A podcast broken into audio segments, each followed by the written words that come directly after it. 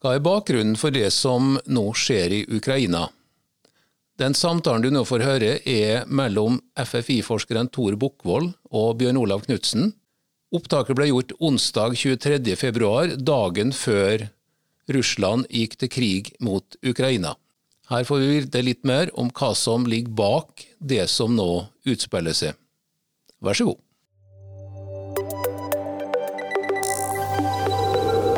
Ugradert, en podkast fra Forsvarets forskningsinstitutt. Hva skjer i Ukraina og i Kreml? Vi er i en situasjon der alt endrer seg fra time til time. I dag skal vi løfte blikket litt og se på konfliktens bakgrunn. I studio har vi med oss Tor Bukkvold. Han er sjefsforsker ved FFIs avdeling for strategiske analyser og fellessystemer. Han har publisert analyser over mange år om russisk militær strategi og beslutningstaking. Han kjenner både Ukraina og Russland godt, og snakker begge nasjonenes språk. Sammen med seg har han Bjørn Olav Knutsen, som er sjefsforsker ved FFI og arbeider med kommunikasjon og analyse. Hans felt er internasjonale forsvars- og sikkerhetspolitiske forhold, med særlig vekt på EU og Nato. Så det vi lurer på er, hva er det som skjer egentlig, og hvorfor skjer det nå, Tor Bukkvold? Det som skjer, eh, hvis vi skal gå kan si, grundig til verks, eller for å løfte blikket veldig, da, som du var inne på, eh, er at eh, det russiske imperiet, som har eksistert i flere hundre år, det, siste, eller det starta å felle fra hverandre i 1991. Eh, Så trodde vi at det skulle gå stort sett fredelig for seg, for det gjorde det stort sett på den tida, selv om det var en del mindre kriger da. Men så viser det seg at eh, nå at eh, det ikke går så greit likevel. Så jeg tror det her er en, nok et, bare et ledd i prosessen med at det russiske imperiet blir mindre og, og mister makt. Og Det som gjør at dette her er ekstra interessant, er at det også skjer geopolitiske endringer på den andre sida av Atlanterhavet, i USA, og endringer i amerikansk utenriks- og sikkerhetspolitikk. Eh, det er mange indre politiske forhold i USA som gjør at USA samla sett viser en internasjonal, manglende internasjonal ledervilje. Samtidig som de i ti år allerede eh, har, har, begynt å orientere seg mer mot Kina. The pivot towards Asia, som de kaller det. Det betyr at USA i økende grad vil betrakte konflikten som nå pågår i Europa, gjennom kinesiske briller. Det er litt sånn fraværende i det offentlige ordskiftet nå, men det er viktig å se det på den måten her. Og det betyr at vi i Europa må takle det som skjer med sammenbruddet eller de oppløsningstendensene som Tor Bukkvold her sier, eh, i, en, i, mye større grad vi må ta ansvar for egen sikkerhet. Så dette er i aller høyeste grad også en utfordring for den europeiske sikkerhetspolitiske ordenen vi, vi har i dag. Det er ganske interessant å se det i forhold til debatten i Russland. Da, fordi at eh, Den analysen som Bjørn Olav kom med der, den deles nok bare veldig delvis i Russland. Eh, de har rett og slett ikke lyst til å se verden framover som en, en kamp mellom eh, USA og Kina. De vil være med der. De skjønner nok sjøl at de er ikke på nivå verken med USA eller Kina, fordi at økonomien er mye mindre. Men de kan ikke helt venne seg til å leve med at det ikke er dem som er førsteadressat for amerikansk utenrikspolitikk. Så Du så det veldig nå på det møtet som ble eh, overført direkte fra det russiske sikkerhetsrådet. Der da en av medlemmene i Sikkerhetsrådet gikk og sa rett og slett at uh, vi har ingen grense med Ukraina. Det finnes ingen grense mellom Russland og Ukraina. Det er en grense mellom Russland og USA.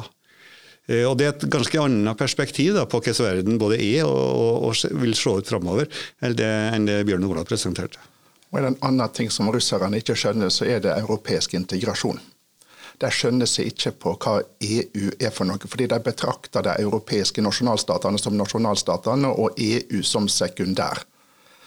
Og En av de tingene som Putin foregna seg på tilbake i 2014, etter den russiske annekteringen av Krim, var de sterke sanksjonene som ble innført, eller restriktive tiltakene for å bruke det formelt riktige begrepet, da, etter den russiske annekteringa og at EU sto bak, og at EU klarte å opptre som en enhet i året etterpå. Fordi at disse sanksjonene eller restriktive tiltakene må vedtas eh, hver sjette måned. Og det er enstemmighetsregelen som, som, som, gjelder. Så uh, Det viser også hvor bakpå egentlig russerne er i hensyn til å forstå hva er det som konstituerer europeisk makt, og at EU-systemet faktisk er en betydelig maktfaktor i europeisk sikkerhetspolitikk. Det er også et ting som jeg syns er viktig å få fram her. Ja, det er nøyaktig det samme sa han på deres sikkerhetsrådsmøte, der de sa at uh, Vesten det er Washington, det. Det er ikke noe annet. Alle andre gjør som de får beskjed om fra Washington. Det finnes ikke noe, det, altså det er mulig at europeerne kan ha delte meninger, at de har laga noen institusjoner eller sånt, men det er helt uvesentlig, for det er ikke det politikk handler om. Det handler om makt, og da er det Washington som bestemmer, tenker man i Kreml. når du ser dem snakke om det, så virker det som de tror at det er sånn nå. Så jeg tror ikke bare når de sier det, det det er nok en del av deres virkelighetsforståelse. Og i forlengelsen det du sier der, Tor. Altså det, Altså, russerne liker å se på seg sjøl som såkalte realister. Altså, det er makt som betyr noe, og den relative fordeling av makt. og at, det, og at uh, Russland må hevde seg på den internasjonale scenen, altså blir vi, blir vi utnytta av andre. Uh, men problemet med realismen da, det er at den ofte ikke er realistisk nok.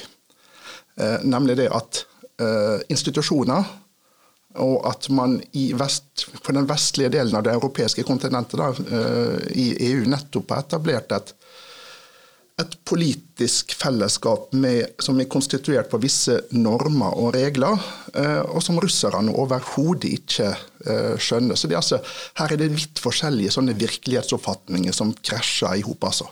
Mm. Det, det, som jeg nå skal vite med, med Russland i en sånn sammenheng, er at det er de har egentlig en veldig legalistisk kultur. De er veldig opptatt av juss, det har de bestandig vært. Eh, og Derfor så snakker de hele tida. Alt de gjør, eh, begrunnes med til deres juridiske standpunkt, men òg med eh, at den avtalen den og den avtalen sier sånn og sånn. Men jussen brukes for å rettferdiggjøre, ikke for å legge begrensninger på handlinga. Også EU-systemet er lansert, altså basert også på et rettssystem men det er et rettssystem som er overnasjonalt organisert. Og Der det faktisk er sånn at der det er motstrid mellom fellesskapsrett og nasjonalrett, så har fellesskapsretten forrang. Og Alle disse restriktive tiltakene som EU har iverksatt mot Russland, er jo nettopp basert på regelverk som er vedtatt av Unionsrådet og Europaparlamentet etter forslag fra Europakommisjonen. Så Det er nok et eksempel på at en overnasjonalisert eh, europeisk eh, rettsorden som russerne ikke skjønner den store verdien av, men som vi i Europa er, har nettopp basert vårt samarbeid på i, i 60 år, og mer enn det. Et spørsmål til dere begge er jo eh, altså, Slik som det framstår i media, så er det jo veldig overraskende det som skjer. Men er det egentlig det? Altså, det Grepet som Putin tar og kanskje er i ferd med å ta, virker veldig skremmende. Men er det, er det overraskende for dere to? Jeg tror det er nok overraskende at det har gått så langt som det gjør. Nå vet vi ikke hvor langt det her kommer til å gå. da. Hvis, eh, hvis det blir full krig, som det fremdeles er en mulighet for, når vi lager denne podkasten her. Ting kan jo forandre seg før den er publisert, for den del. Men eh, så er det nok Jeg har ikke sett det for en del år siden, at de, at de å gå, hvis de å gå så langt. det, For det har så voldsomme kostnader. Men eh, jeg tror ikke det ligger noe sånn at det måtte bli på det viset. Det har jo med hvem som har makt i de forskjellige landene. Det har med Putin, og det har med at i Russland så kom KGB til makt, tilbake til makta med Putin i, i, 2000. Og med dem så kom det et, eh, et verdenssyn som er et annet enn om noen andre hadde sittet ved makta. Samtidig så har du nok mer enn, og som jeg var inne på med den nedbrytningen av et imperium over lang tid, det er en prosess som ville skjedd uansett. Eh, så at det ville bli gradvis mer konflikter mellom den gamle imperiekjernen og de nyoppståtte statene rundt, som da tidligere tilhørte imperiet, er kanskje i en viss grad en sånn nesten objektiv faktor da, som ville ha utvikla seg noe mer uavhengig av hvem som sikter med makta her og der. Mm. Og det som også, Bare for å følge opp litt av det Tor også her sier, det er den europeiske sikkerhetsordenen som ble etablert i kjølvannet av den kalde krigens slutt rundt 1990. Altså Det var da Sovjetunionen ble oppløst, det var jo, skjedde jo 91, og Tyskland ble gjenforent. Så var jo visjonene den gang, da, ikke minst fra daværende president George Herbert Walker Bush, at man skulle etablere et Europa som var holdenfri, altså helt og fritt. Og at den tyske gjenforeninga skulle være en del av en større alleuropeisk samlingsprosess. Det er iallfall det Helmut Kohl og Hans-Dietrich Genscher og de tyske politikerne så for seg, og støtta opp under både av Margaret Thatcher i Storbritannia og Francois Mitterrand eh, i Frankrike, som da var, som var da statsledere den gangen. Og Hele denne europeiske sikkerhetsordninga er noe som nå russerne forkaster. Eh, de vil ikke eh, ha det.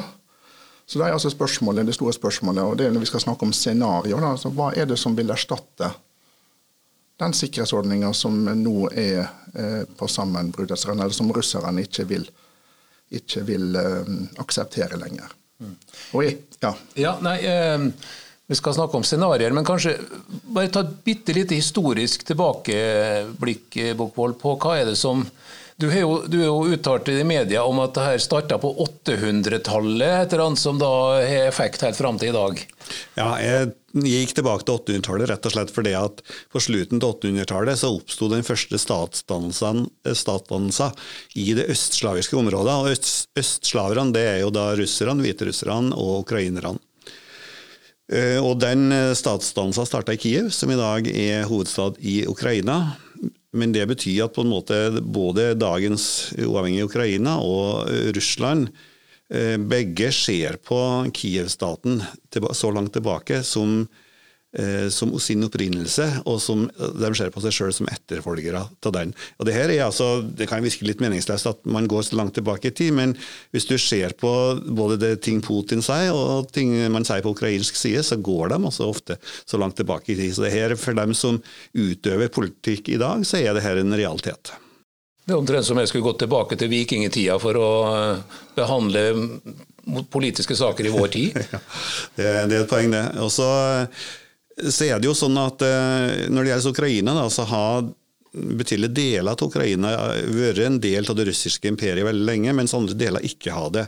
Sånn at Ukraina har en en, litt forskjellig historie, litt etter hvilken region du snakker om. og Derfor har man fått ut gjennom historien da, det her skillet som stadig påpekes i dag, og som er en, og en del til bakgrunnen for konflikten i dag, med et vest et Vest-Ukraina og sentral-Ukraina der man snakker ukrainsk og er nasjonalt opptatt, mens et, du har et Øst- og Sør-Ukraina som er mer russisk prega. Det er en realitet. Eh, det har vært en realitet lenge. Samtidig så mener jeg at den splittelsen bestandig i debatten har vært sterkt overdreven. Eh, mest kanskje fordi at overgangen mellom det ukrainske og det russiske i Ukraina er ikke skarp, men flytende. Sånn at du har altså millioner på millioner med ukrainere som føler seg som ukrainere, som er patrioter overfor Ukraina, som ikke kan ukrainsk, eller som i hvert fall ikke snakker det i dagligtale. Eh, og det, det, er det viktig å få med seg. og så er det også viktig å få med seg at det her skillet som tross alt har funnes, og som jeg sier, til dels finnes fremdeles, det ble enda mye mindre etter at Russland gikk inn og tok Krim i 2014 og var med og starta en krig i Donbass. For det har ført til en sam nasjonal samling i Ukraina som du ikke har sett eh, eksempler på før i postsovjetisk historie. Hvis vi da bykser fram til i dag og egentlig i morgen, hva er det slags scenarioer vi kan se for oss? Og Her er det jo utrolig mange innfallsvinkler, men vi får bare begynne i en ende. Bjørn Olav? Ja, nei, altså det, Statsvitere har en lei tendens til å være veldig dårlige spåmenn. Så jeg skal ikke, men Vi kan jo lage forskjellige typer eh, scenarioer. altså at vi er jo vi kan jo si at vi er på vei tilbake til en form for en kald krig, selv om vi ikke kan sammenligne dagens situasjon med den kalde krigen som varte fra 1947 til rundt 1990. Fordi at, eh, det forhold, fordi at Russland er ikke det samme som Sovjetunionen. og den kalde krigen som vi nå er i ferd med å gå inn i, muligens, for å lage et sånn kaldkrigsscenario, den vil jo ikke ha globale effekter, sånn som den gamle bipolare ordenen hadde i sin tid. så Det er litt vanskelig også å, å, si det sånn. Samtidig så Russland er jo også på en måte integrert i verdensøkonomien på en helt annen måte enn det Sovjetunionen i sin tid eh, var. Men altså de restriktive tiltakene som nå blir iverksatt både fra amerikansk, britisk og fra EUs side, og der Norge halehengt til EU, vil jo medføre at den samhandlinga i økonomisk forstand mellom Russland og Vesten blir mye mye mindre. Samtidig så ser vi også det at det er ikke bare vi i Vesten, men også land som Sør-Korea og Japan innfører tilsvarende sanksjoner også mot, mot Russland. Da.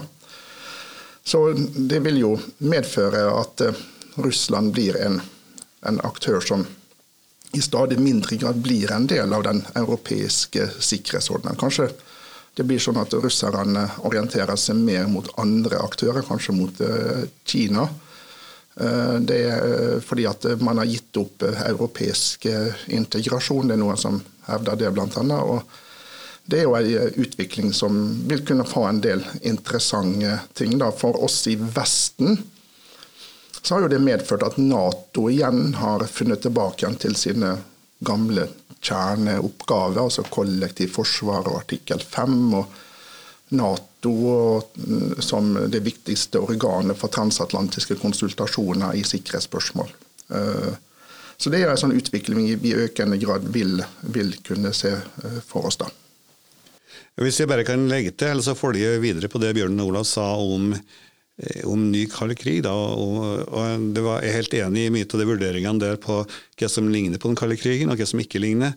Men et en, en ting som ikke ligner, og som jeg tror er en, en av grunnene til den krisa vi ser nå, eh, som vi har nå, så med grunnen til at vi har den podkasten, er at under den kalde krigen så var Moskva aldri i tvil om at de var en stormakt, og at de ble respektert som en stormakt. I dag mener de at de er en stormakt. Rett som jeg, så, som jeg sa tidligere, så tror de at de er en stormakt på linje med USA og Kina, men de er store nok til å kunne forlange å bli behandla som en stormakt, men det er det de føler de ikke blir. Og det tror jeg at Hvis du på en måte ser på hva det har, eh, har effekt på, på psyken til beslutningstakerne, så var det en mer stabil, kanskje, til dels beslutningstagning på så vidt det i hvert fall en, en beslutningstagning som ble fatta på, på, et grunnlag der folk følte seg trygge i sin posisjon. Eh, det gjør ikke den russiske ledelsen i dag. Ikke bare det, bare oppfølgingen av det som man Tor her sier. Altså, altså Amerikanerne, George Robert Walker Bush, sa i 1991 at vi vant den kalde krigen. Vi vant. Saken er at russerne sjøl oppfatter dette der som at altså de, de de oppfatter ikke seg selv som en taper under den kalde krigen. Det er, det er en litt sånn helt annen virkelighetsoppfatning i Russland versus USA. Så det, det føltes ikke som en taper.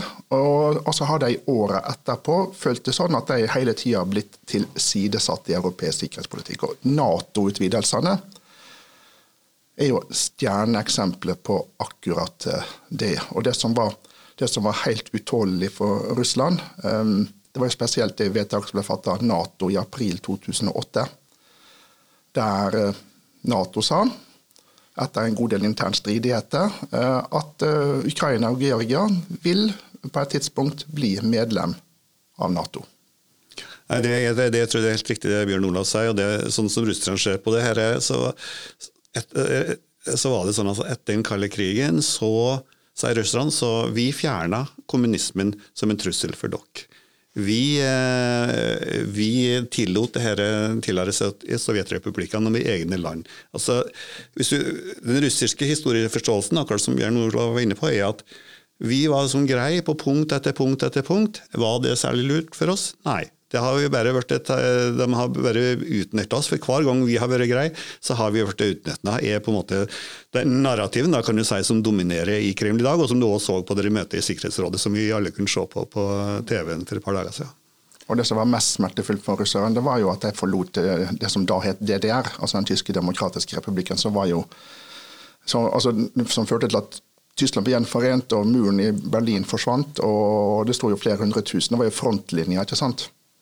Eh, under den kalde krigen, og, så mange hundretusenvis av røde hærsoldater som ble drept da de kjempa seg frem til eh, Berlin våren 45. Og, og, og, det, og det også følte at alt dette her gikk tapt. Og siden har de bare blitt ydmyka av eh, Vesten gjennom Nato-utvidelse i første rekke. En serie med Nato-utvidelser. fordi at I 1990 så var det altså 16 medlemmer av Nato. I dag er det 30. Nesten en fordobling og alt dette er sånn som russeren føler. Altså For hver utvidelse så har det vært én ny ydmykelse. er det begeret som er fløt over? da? Altså er det, hva, kan du forvente nå, da, hvis, hvis det er slik tankegang? Er det, hva kan du se for dere? Blir det en diplomatisk løsning til slutt, eller vil det rett og slett ta hele Ukraina og forlange kapitulasjon og innføre en Quisling-regjering? Altså, er, det bare tabloid tankegang det kommer nå? Nei, jeg syns ikke det er tabloid tanking i det hele tatt. fordi at jeg tror at de diplomatiske løsningene blir, er i ferd med å bli fullstendig uttømt. Og Det så vi nå altså at Lavrov, unnskyld, ikke Lavrov, men Anthony Blinken, amerikansk utenriksminister, nettopp i dag Altså i dag er det eh, onsdag, eh, så, så eh, avlyste han det møtet han skulle hatt med Lavrov i Genéve den 24. Eh, februar. Og det, når, når man slutter å snakke sammen, så begynner det å se rimelig mørkt ut, altså. Men det, det, er riktig.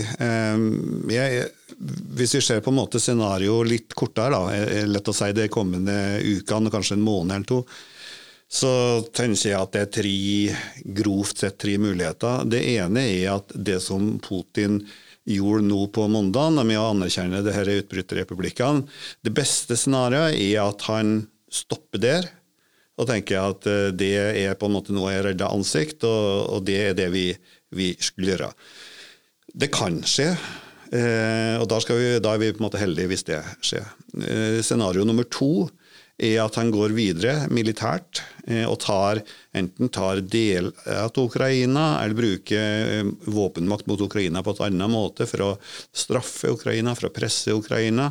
Men en begrensa militæraksjon det er òg en mulighet. Det vil ikke koste russerne så mye i tapte soldater, i hvert fall. Det vil jo koste dem veldig mye i nye sanksjoner. Men det er noe man kan tenke seg at de gjør, eller kanskje at de utvider det området som nå eh, Russland kontrollerer, til å omfatte hele Donbass, f.eks. Altså hele Donetsk og Luhansk fylke. Men det er opsjon nummer to. Og så finnes det den fryktelige, som er nummer tre, som er en invasjon til deler av hele Ukraina, der man tar hovedstaden Kiev. Der er det store problemet at um, det hjelper ikke Russland politisk hvis å bare å ta det. Du må holde det. Og både prosessen med å ta det og holde det vil koste Russland enormt mye, både i penger og i menneskeliv. Og det vil føre til voldsomme tap på ukrainsk side, som heller ikke er bra for Russland. Og på lang sikt, og det er en grunn til at eh, flere eks-offiserer nå i Russland, altså folk som normalt støtter Putins agenda, likevel har gått ut mot Putins planer, det er at på lang sikt så får Russland da et Ukraina, enten de kontrollerer det eller ikke, som hater dem. Og de vil hate dem i generasjoner. Mm. Så kan man selvfølgelig tenke seg hvilke konsekvenser en sånn det tredje opsjonen som Tor snakker om vil få for de landene som grenser opp til Ukraina. da. Altså for Slovakia og Polen og Romania f.eks. Og Ungarn, eh, som er de vestlige landene eh, som, um, som eh, Ukraina grenser til. Det vil jo også kreve at de andre allierte i Europa og USA kommer dem til unnsetning. At du vil få en, en økt Nato-tilstedeværelse i de landene. Også så vil du få en slags sånn ny terrorbalanse i, i, i, Europa igjen. Altså mye sterkere enn det som man uh, i dag, da. Det er et spørsmål som sikkert mange stiller seg, og det er jo Putin som figur. og det var jo det blir jo lurt litt på hva er det som er i skyggene av hans trone. Altså, Vi må jo nesten regne med at det er andre i Russland som har litt andre oppfatninger enn kanskje han viser fram nå? Det er det jo selvfølgelig. Uh, hvis vi snakker om eliten først, da, så vet vi ikke så mye om det som eventuelt måtte være av splittelser når det gjelder det her i eliten. Hvis du ser på den, den nære grupperinga som fatter avgjørelser i utenrikspolitiske og sikkerhetspolitiske spørsmål, så tror jeg det er ganske begrensa med uenighet. Det tror jeg nok det er en viss grad av ekkokammereffekt. Men så har du en større elite, og særlig kanskje den økonomiske eliten, som da kommer til å tape veldig personlig på de sanksjonene som nå har vært innført og kan bli innført videre de vil jeg tro ikke er så glad for det som skjer nå, men du kan ikke tre ut offentlig og si det, for da er du samtidig ute av den eliten. Så Derfor så kan man jo tenke seg på sikt altså jeg tenker i hvert fall hvis scenario tre skjer, altså den voldsomme invasjonen, så tenker jeg at da det vil få så store konsekvenser for det russiske samfunnet at man det vil være mange og i eliten som tenker at dette lederskapet her er vi ikke kjent med lenger. Vi, vi, går til grunne på grunn til lederskapet her. Da kan man få en splittelse i eliten som til slutt eh, senker hele Putin-regimet. Det vil vi ikke vite noe om på forhånd. for det at eh, den første som går ut og gjør noe sånt, eh, stiller seg jo eh, veldig laglig til for hugg. da. Så, sånne ting vil ofte skje veldig fort. Men forskning viser at Autoritære regimer som eh, kollapser, og som blir demokrati, de kollapser i 70% av tilfellene pga. en elitesplittelse. Så det er verdt å ha med seg. Så bare legge til helt til slutt på det poenget, eller på det spørsmålet der at jeg tror jo òg at den russiske befolkninga i stort ikke er så veldig glad for eh, det som skjer. De, jeg tror den russiske befolkninga gjerne ville ha vært De liker være stormakt, og de skulle gjerne ha Ukraina på sin side, alt det her. Men hvis de er nødt til å betale for det med sønner og døtres liv, og med en senka levestandard, så tror jeg ganske mange av dem òg vil være misfornøyd med det som skjer. Ja, absolutt. Uh, og vi kan jo tenke oss hvordan uh, vi i Europa kommer til å reagere på det som skjer i, i, i, i Russland. Uh, spesielt liksom med, virkningene av de forskjellige sanksjonene da, første, i, første, rekke, som vil kunne bli veldig harde. Og i et sånt verstefallsscenario så vil jo de bli så å si ekskludert ifra både økonomisk og politisk fra, fra resten av Europa. Men eh, jeg tror òg det eh, gjenspeiler noe som har, en, til dels en endring som har skjedd i, i beslutningstagninga av Kreml i løpet av Putins, eh, Putins periode. For i hvert fall folk som har vært inne i Kreml tidligere, mener at det var mer en beslutningstagning en slags sånn, der man satte seg ned og diskuterte ting før. Nå er det hvis det, sånn det her møtet i Sikkerhetsrådet, som alle kunne se da, på, nå på mandag så er det jo ikke det i hele tatt. Og det er, det er litt sånn komisk der Putin spesifikt sier en plass under møtet Vi har ikke avtalt på forhånd hva folk skal mene her. Det er veldig viktig for meg å understreke det. Det har vi ikke gjort. Alle skal få si akkurat hva de mener. Og så er det da Sergej Narysjkin, som er mm, sjef for utenriksetterretninga, som så vidt prøver seg på et litt alternativ eh, forslag til hva man skal gjøre, og blir klubba ned umiddelbart og står der og skjelver på talerstolen. Eh, så det er ganske jeg, jeg vet ikke om det skjer i alle tilfeller når folk sitter i 20 år med makta, men jeg tror i hvert fall at å sitte i 20 år med makta sjelden er veldig sunt. Men slik har det jo vært i Russland i 500 år. Hvis en leser Romanovenes historie, så er det jo det her som skjer hele tida i Russland. At du har en, en som blir mer og mer enehersker og som da på en eller annen måte greier seg gjennom til en dør eller blir avsatt. Det var sjelden jeg ble avsatt. ja, det, det, kan du si, men det, altså, sånn er det jo i mange land i verden. Det er ikke noe spesifikt russisk å ha et autoritært styresett. Det, det har man faktisk. Det vil flertallet av folk i verden i dag leve under et uh, autoritært styresett. Um, og det så det er ikke så hyperrussisk på et vis. Det jeg vil fram til, da, er at selv om det er sånn nå, eh, som du beskrev, så betyr ikke det at Russland ikke kan styres på et annet vis. Jeg, jeg tror ikke at det forskjellige landet har vært utdelt en politisk kultur til å begynne med, og at de har den til, til tidens evighet. Eh, og De fleste land som i dag er fungerende demokratier, var ikke det, hvis du går langt nok tilbake i historien. Så jeg tror òg det kan endres, men det er klart at det, er, det tar lang tid å endre. Der går det til dere begge. Altså, hva kunne Vesten ha gjort annerledes for å forhindre dette her? Hva kunne, kunne vi gjort Ukraina til et EU-medlem? Hadde det vært noe hjelp? Eller nå er det jo helt uten uh, hva skal jeg si, overnasjonale overbygninger. Mm. Ja, altså, eh, Det er litt, kanskje litt rart å tenke på, det, men da Putin kom til makta for 20 år tilbake siden, rundt tusenårsskiftet, så var han faktisk veldig vestorientert. Han ønska tettere samarbeid med Nato, og spesielt etter 11.9-terroren eh, i 2001 så var jo han blant de første som markerte solidaritet med USA i kampen mot internasjonal terrorisme. Og Russland og var jo en viktig, viktig partner for, eh, for Nato i, i Afghanistan, på bakgrunn av Russlands nærhet til, til det sentralasiatiske landet. Og han var også veldig tilhenger av at Russland skulle være med i europeisk integrasjon. Så det er litt sånn rart å, å tenke på. Så, så det, jo, det, snudde jo, som vi alle sammen uh, veit. Uh, George Kennan, som var amerikansk toppdiplomat, og som skrev en veldig uh, interessant artikkel tilbake i 47, uh, ble kalt for The Long Telegram, The Sources of Soviet Conduct. Han var jo oppdemningspolitikkens far, altså, som la grunnlaget for USAs politikk overfor Sovjetunionen. I 1998 så ble han intervjua i New York Times av Thomas Friedman. Uh, uh, og jeg leste nettopp det intervjuet nå en gang, der han virkelig advarte mot Nato-utvidelser. Fordi at han så på det som noe som ville føre til en ny kald krig.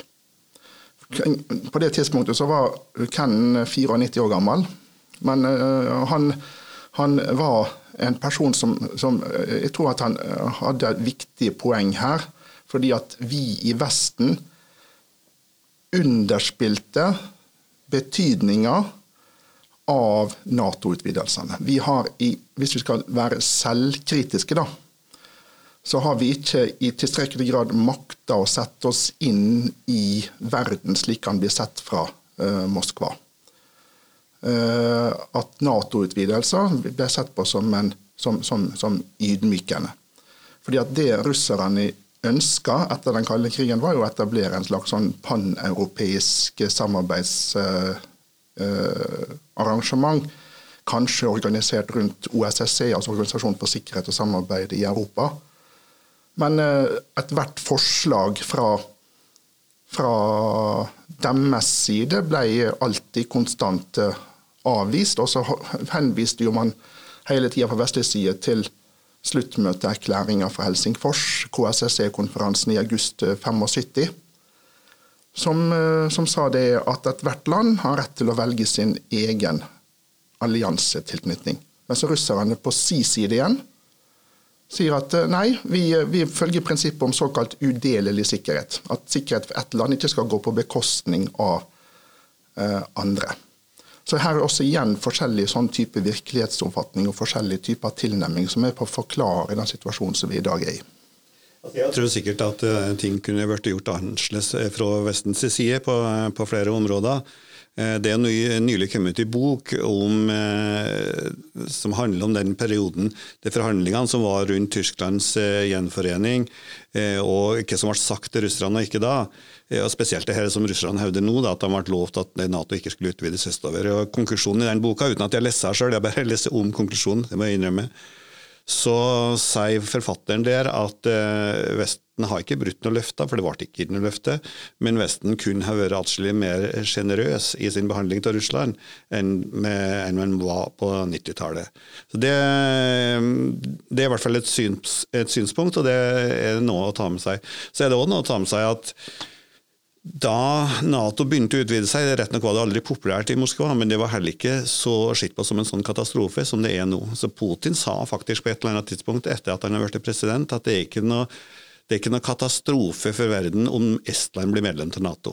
Det er nok en uttalelse han ikke vil ha kommet med i dag, men eh, jeg tror det her har det er ikke sånn at Nato-utvidelsen bare er en årsak til det som har skjedd. Det er noe det har også skjedd ting på, på, andre vis, eller altså på andre områder, og først og fremst i forhold til Ukraina og, og til andre tidligere sovjetrepublikker, som i seg sjøl har ført til et dårligere forhold, og da plutselig kommer man i haug det her med Nato òg.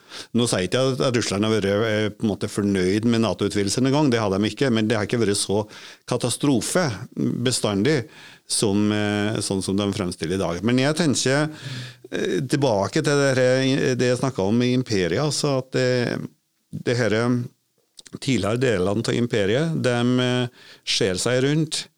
Hvilken vei er det best for oss å gå? For ukrainerne så er det her veldig enkelt. Eh, ikke for alle, men for et flertall i Ukraina så er det veldig enkelt. Hvis vi fortsetter å være i Russlands sin innflytelsessfære, så vil våre politikere være like korrupt og, eh, og urettferdig som de er i Russland. Hvis vi går vestover, så er det en sjanse for at vestlige politikere tvinger våre politikere til å innføre en rettsstat og til å gjøre noe med korrupsjon. For Ukrainerne har ikke en døyt tro på at deres egne politikere vil klare å gjøre det på egen hånd. Det må det et press til, og det presset kommer kun fra vest. og Det tror jeg er en vesentlig del, for at, en vesentlig forklaring på det at ukrainerne vil vestover. Det som skjer nå, det vil jo på et eller annet tidspunkt gå over, samme hvor galt det går. Og da er jo et spørsmål eh, resten av Europa etter denne konflikten, og for så vidt de landene som vi snakker om her, hva kan komme til å endre seg? Det er jo veldig avhengig av hvordan konflikten går. Selvfølgelig blir det det tredje scenarioet mitt med en, med en stor krig, så, så, er vi tilbake i en, en, fryktelig fryktelig vanskelig situasjon for, for lang tid, antagelig. Det, jeg tror ikke altså, Noen av mine kollegaer tror at hvis Putin tar og klarer å ta Ukraina, så er det bare første skritt i en større ekspansjon. Eh, det tror jeg ikke. Jeg tror det her handler om Ukraina. Det handler om det postsovjetiske området, men det handler egentlig først og fremst eh, om Ukraina. Jeg, og fordi at jeg tror, tross alt mulig rart de mener i Kreml for tida, så skjønner de at de ikke er Sovjetunionen. Eh, de har ikke det ressursgrunnlaget som var. De har ikke heller den ambisjonen om å kontrollere, sånn som Bjørn Olav var inne på helt på begynnelsen, at å gjøre det her til en global ting. Det, det så, så, stor, eh, så store ambisjoner tror jeg ikke de har, rett og slett. Eh, men, eh, men, at det blir veldig vanskelig i Europa framover, det er jeg ganske sikker på. Mm, altså Du får en økende todeling. Uh, ikke som en gammel kald krig, som jeg var inne på, men det er en ny todeling av Europa. Og der dessverre uh, Ukraina er slagmarka med hensyn til hvilken type form europeisk sikkerhetsorden uh, vi får. Um, I en situasjon der Russland tar Ukraina, så vil de østeuropeiske landene som grenser inn til, til Ukraina, forsøke å overtale sine europeiske allierte og USA om å ha en større militær tilstedeværelse. Og Da blir det veldig vanskelig sånne, med sånne ting som vi også har fått, uh, som også har vært oppe i, i ordskiftet. Dette her med, med rustningskontroll og nedrustningstiltak. Uh, alt ifra ja, det som blir kalt for Wien-dokument med hensyn til varsling av øvelser. Det har med den nylig oppsagte INF-avtalen, som altså gikk på mellomdistansevåpen, som også er oppsagt det blir veldig vanskelig å få til noen sånn arrangement som gjør at eh, man får til lavspenning i Europa. Og det er veldig skremmende. Ikke minst med tatt i betraktning at våpenvirkningene er så mye sterkere i dag. Ikke bare på bakgrunn av kjernevåpen, men også fordi at eh, den teknologiske utviklinga har gjort at eh, du får mye, mye større skade. Og så har du også det som er i cyberdomenet også, da. Bare to ord om det. altså Cyber blir mer og mer viktig. og Nato definerte jo allerede i 2016 på Nato-toppmøtet i Warszawa eh, cyber som et eget krigføringsområde som også kan utløse artikkel 5, altså den kollektive forsvarsforpliktelsen i Nato, hvis, du, hvis man står overfor et alvorlig cyberangrep. Ja, En fare er jo at Nato blir direkte involvert på et eller annet nivå? Det er absolutt det som er, er, er frykten. da. Fordi at eh, i geografisk forstand så ligger jo Ukraina i Europa, midt i Europa. Det er, jo, det er jo Europas nest største land i utstrekning, på litt over 600 000 kvadratkilometer, så det er jo et svært land. Og Det som skjer der, det har direkte innvirkning også på europeisk sikkerhet. Og det Russland gjør eh, nå, det har direkte virkning også på sikkerheten i Europa som helhet. Det er ingen tvil om. Og så er det jo det som blir sagt her, at kanskje russerne i og for seg ikke ser dette som en global sak. Men det kan jo, hvis vi tenker på kloden som et sjakkbrett, så kan det hende at Kina nå benytter anledningen til å gjøre noe med Taiwan. Det, det, kan hende. Jeg er jo ikke noen Kina-ekspert, og det er vel ikke Bjørn Olov heller. Eh, men vi har jo begge sett den eh, eh, skal jeg si, ikke spådommen, men den muligheten, da. Eh, jeg vet ikke, eh, Hvis vi skal si noe om Kina i forhold til konflikten eh, mellom Ukraina og Russland, i hvert fall så har jeg inntrykk av at kineserne er ganske så forsiktige. De har rett nok sagt at, eh, at de sier at det er en dårlig idé med Nato-utvidelse og en dårlig idé med ukrainsk Nato-medlemskap. Men eh, de har f.eks. ikke anerkjent annekteringa til Krim i 2014. Og de er ganske forsiktige i sine uttalelser generelt om det. her. Jeg tror at kineserne er litt redd for å Jeg tror de ser på Putin som litt sånn eh, løs kanon på dekk, og at det, er skummelt å bitte seg for tett til en sånn kanon, for da plutselig blir du dratt i vei i en eller annen retning uten at du hadde helt regna med det. Men det amerikanerne er redd for, det er, at, eh, det er at kineserne skal utnytte den muligheten som nå er, med hensyn til å gjøre noe med hensyn til Taiwan. Og Det er en interessant artikkel i Washington Post nå eh, 21.2, skrevet av eh, Robert Kagan, som er en viktig kommentator i USA. Som eh, han kaller for 'What we can expect after Putins conquest of Ukraine'. Der han nettopp påpeker den muligheten som eh, kineserne vil kunne utnytte. Men altså, Det er jo en, mulighet som påpeker, men det er noe som altså amerikanerne i dag tenker, tenker, på. For de vil ikke være i stand til å utkjempe to konflikter samtidig, altså amerikanerne. Selv om de er en global supermakt med evne til global maktprojeksjon. Hvis vi prøver å tenke litt positivt her, hva er det slags eh, krefter som kan komme inn som en meglende part? Altså Nå har vi sett Macron med det lange bordet til Putin, men kan vi se for oss en annen type innblanding som, som fører til positive resultat? Jeg er ganske pessimistisk på det. altså Jeg, jeg tror ikke mangel på meglere som er problemet her. Det, dessuten det, det var det jo flere som meldte seg på, både Erdogan fra, fra Tyrkia og andre. Jeg, jeg, tror ikke det er mangel på meglere, jeg tror ikke mangel på diskusjonsforum. Jeg tror heller ikke det er den oppheta debatten som er problemet. Problemet er genuine interessemotsetninger. Og der må man enten når man ikke kommer lenger med, med, diplomatiet, så må man enten godta sånn som det er, eller så må man gjøre noe med det, altså gå til krig. Og hva vi ender opp enn det, det vet vi ikke ennå. Altså, Emmanuel Macron uh, har jo for, virkelig forsøkt å være megler i denne konflikten her. Og Det har også sin bakgrunn innenrikspolitisk, fordi at første omgang i det franske presidentvalget finner sted 10.4 og det er uvisst eh, hvem som vil gå med seieren der. Og hvis han kan vise at han har klart å få til noe på det utenrikspolitiske området, så ville det kunne også bidra positivt til hans egen, eh, til hans egen valgkamp. Så han har virkelig forsøkt. I tillegg så er det jo sånn at Frankrike sitter med formannskapet i EU denne vårsemesteret her. Og EU skal jo sjøl legge frem en såkalt strategisk kompass i neste måned, rundt den 20. mars som også skal vise vei for EUs felles utenriks- og sikkerhetspolitikk. Og Her har jo Macron store ambisjoner om at EU skal bli en geopolitisk, eh, geopolitisk spiller. Jeg tror, jeg tror, bare ikke i hvert fall nå at Putin vil skrive under på noe sånn eh, anbefalelsesbrev til, til Macron. I, hvert fall Basert på det som ble sagt, på møtet i Sikkerhetsrådet, der Putin helt åpen sa at jeg har snakka lenge med Macron. Han sier at både det ene og andre skal skje. Ukrainerne skal gi seg det ene og andre, men det skjer jo ikke. Eh, så han, eh, han snakka lenge med Macron, for jeg tror at han tenkte at det var kanskje var en mulighet å presse ukrainerne til innrømmelser gjennom Macron og gjennom EU. Eh, det skjedde ikke, og da anerkjente man disse republikkene. Mm. Altså Olaf Scholz har jo også forsøkt, den tyske forbundskansleren og den britiske utenriksministeren har jo også altså Det har jo vært en valfart av besøk til Moskva den senere uka, men det har, ikke, det har ikke hatt noe effekt i det hele tatt. Så muligheten for diplomati den blir mindre og mindre, etter mitt skjønn iallfall. Den gjør det, så vi, vi, Jeg tenker jo likevel at det er bedre at de snakker sammen enn at de ikke snakker sammen. Det, det vil jeg vel tenke uansett. Men Eh, at de skal oppnå så veldig mye med diplomatiet, er litt vanskelig å se. Eh, nå kommer noe som jeg synes er litt merkelig at vi må stille som et hypotetisk spørsmål. Men la oss si at Putin bare sa jeg kaster alle korta.